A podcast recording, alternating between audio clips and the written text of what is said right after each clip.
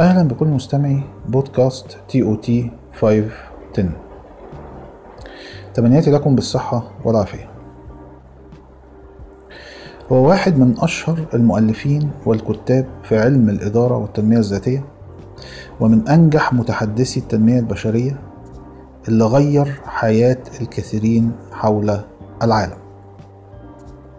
كان بيحمل شهادة البكالوريوس في علوم إدارة الأعمال كمان ماجستير في إدارة الأعمال من جامعة هارفارد. دكتوراه في التعليم الديني من جامعة بيرجهام يانج. أثبت قدراته التجارية والشهادة بتاعته في الأعمال التجارية اللي كانت من جامعة هارفارد. أثبت فعالية عالية في قدراته التجارية. فكان ليه تأثير كبير في قطاع الإدارة في الولايات المتحدة الأمريكية. كان بيدير مؤسسة خاصة بيه بمساعدة عدد من شركائه قدر إن هو يفتتح فروع دولية لهذه المؤسسة. كان حوالي أكتر من 30 فرع.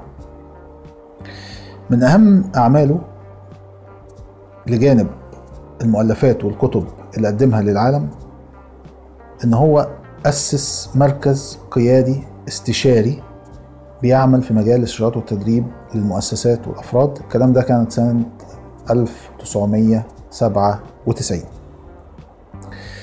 في عام 2008 عمل خدمة أو أطلق خدمة إلكترونية عن طريق الإنترنت. كان هدفها إن هو يطور الذات لطبعا ال ال ال الأفراد والمؤسسات وهذه الخدمة أقبل عليها الملايين. حصل على عدة جوائز أهمها جائزة رجل السلام جائزة الأبوة من المبادرة الوطنية للأبوة خلال حياته حصل على 8 شهادات دكتوراه فخرية لغاية وفاته اللي كانت سنة 2012 يا ترى عرفت مين هو؟ هو ستيفن كوفي اللي صنفته مجلة تايمز سنة 1996 واحد من أشهر أو أكتر 25 أمريكي صاحب نفوذ في الولايات المتحدة الأمريكية وكمان أول 25 شخصية مهمة في الولايات المتحدة الأمريكية. ستيفن كوفي واللي كان بيصنف الأب الروحي للنجاح النهاردة هتكلم عن واحد من أهم كتبه وهي العادات السبع للناس الأكثر فعالية Seven Habits of Highly Effective People. الكتاب ده باع حوالي 15 مليون نسخة في الولايات المتحدة الأمريكية وفضل أو ظل على قوائم الكتب اللي كانت أكثر مبيعا لفترات ده كان في جميع أنحاء العالم. هناك فرق بين إنك تكون فاعل وبين إن تكون فعال. ممكن تكون مشغول دايما لكن النتائج بتاعتك ضعيفة. أفعالك غير فعالة ولا تحقق النتائج المطلوبة أو المرغوبة. إذا أردت أن أنت تغير حياتك وأن تحقق أهدافك وأن تزيد من فاعلية شخصيتك عليك بدفع عاداتك دي إلى أفق أوسع وأرحب ومن فوائد العادات السبع اللي إحنا هنتكلم عنها إن هي بتساعد على بناء تصورات ونماذج ذهنية أفضل للواقع اللي أنت بتعيشه. وبالتالي تقدر تكون أكثر فاعلية في تحقيق النتائج المرغوبة.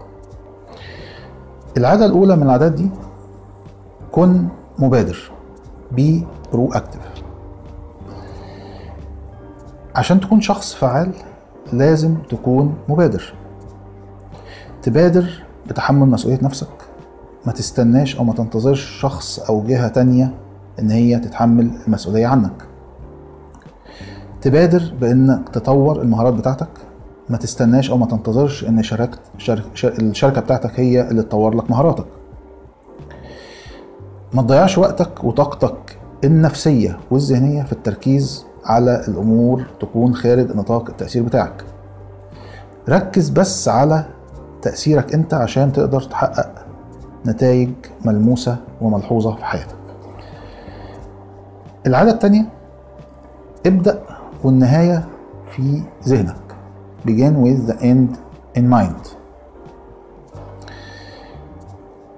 بعض الناس بيعمل بكل جد بس عشان إن هو يتسلق سلم النجاح. ولكن في النهاية بيكتشف إنه كان بيصعد السلم الخطأ.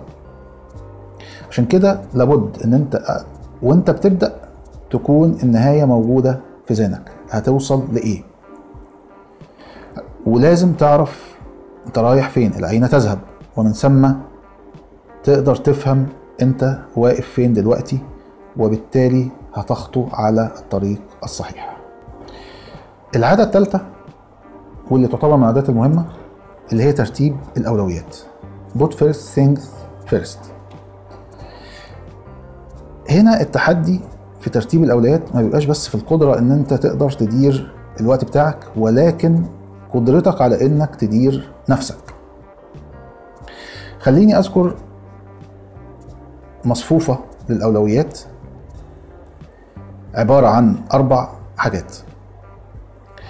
أول حاجة إن حاجات تكون مهمة وعاجلة. زي إيه؟ زي مثلا مهام العمل بتاعتي. آه، حل أزمات عاجلة موجودة قدامي. الجزئية التانية حاجات مهمة ولكن غير عاجلة. زي إيه مثلا؟ زي إن أنا أتعلم مهارات جديدة آه، قراءة كتب إن أنا عندي مهمة إن أنا أخطط للمستقبل. المصفوفة الثالثة إن هي في حاجات غير مهمة ولكن عاجلة. زي مثلا متابعة المباريات والمسلسلات والأخبار المقابلات اللي بتيجي فجأة إن أنا أقرأ بعض الرسائل. دي أقدر أعتبرها غير مهمة ولكن أنا ساعات لازم أعملها. المصفوفة الأخيرة إن حاجات غير مهمة وغير عاجلة زي مثلا تصفح الإنترنت ال social media آه، طبعا آه، في الحالات اللي هي بتكون بدون هدف. المكالمات الهدفية الهاتفية مثلا اللي بتجيلي اللي هي بتبقى غير مهمة. النشاطات برضو أو الحاجات المسلية اللي بتبقى غير هادفة. العادة الرابعة فكر بالمكسب المشترك والمنفعة المتبادلة. Think win win.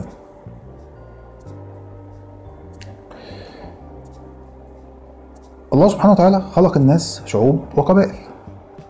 وبالتالي أنت كإنسان لازم تكون لديك علاقات متنوعة. علاقات سواء هذه العلاقات أسرية اجتماعية علاقات عمل. دايما حاول تسعى لأن العلاقات تكون المنفعة والمكسب المشترك لكل الأطراف. ما تكتفيش بس إن أنت تهتم بالمكاسب الشخصية بتاعتك بس. العلاقات الفعالة المثمرة هي اللي بتكون فيها منفعة مشتركة.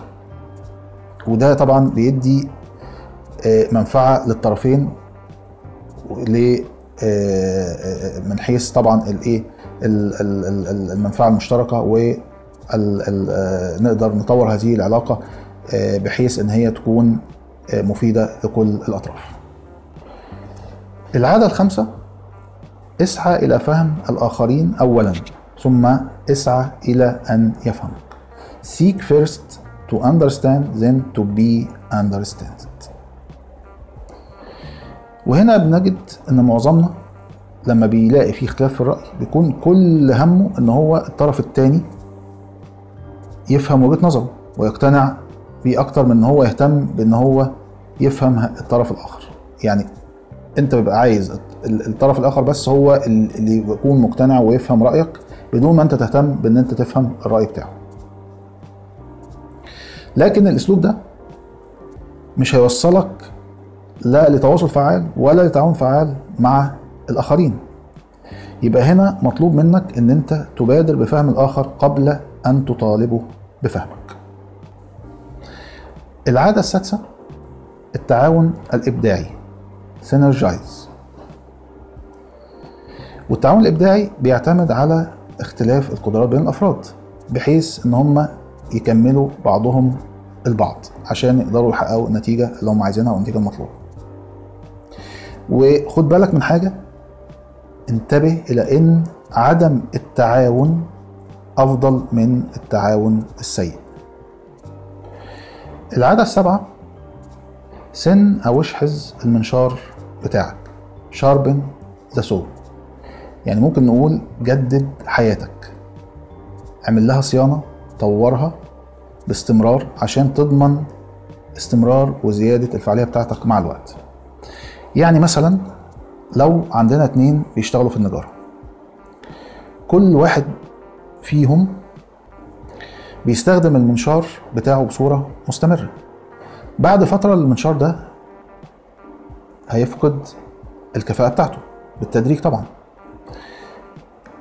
لكن اللي فيهم هما الاتنين هيهتم بإن هو يسن المنشار بتاعه هيكون الإنتاجية بتاعته أكتر من التاني. لأن التاني هيكون منشاره بعد فترة غير صالح للقطع بسرعة وفعالية.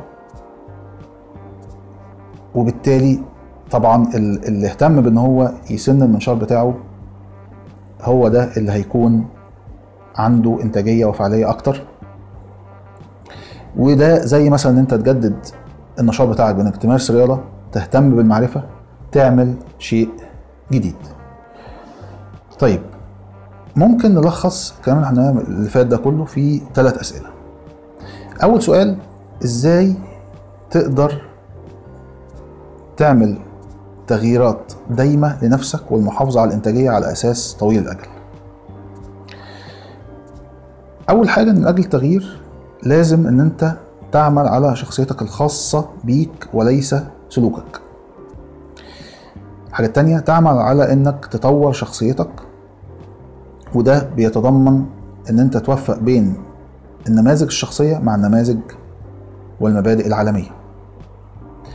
إن أنت زي ما قلنا تعمل شحذ أو سن للمنشار بتاع بتاعك قبل ما تبدأ في نشر أي شيء. السؤال الثاني إزاي ممكن تحقق أشياء عظيمة وتشكل العالم من حولك بشكل فعال؟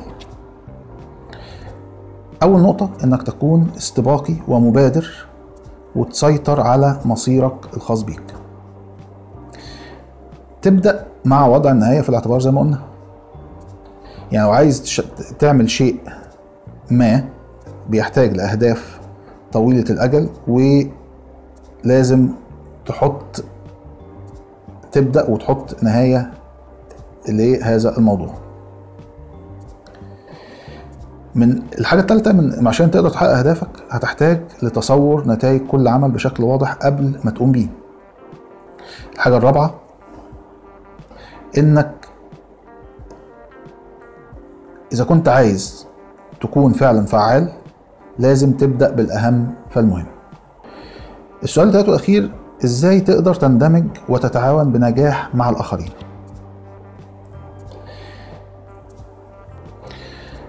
أول حاجة فكر بعقلية بالعقلية بتاعة الفوز للجميع عشان تقدر تاخد الحصة بتاعتك وفي نفس الوقت تبني علاقات دايمة مع الآخرين.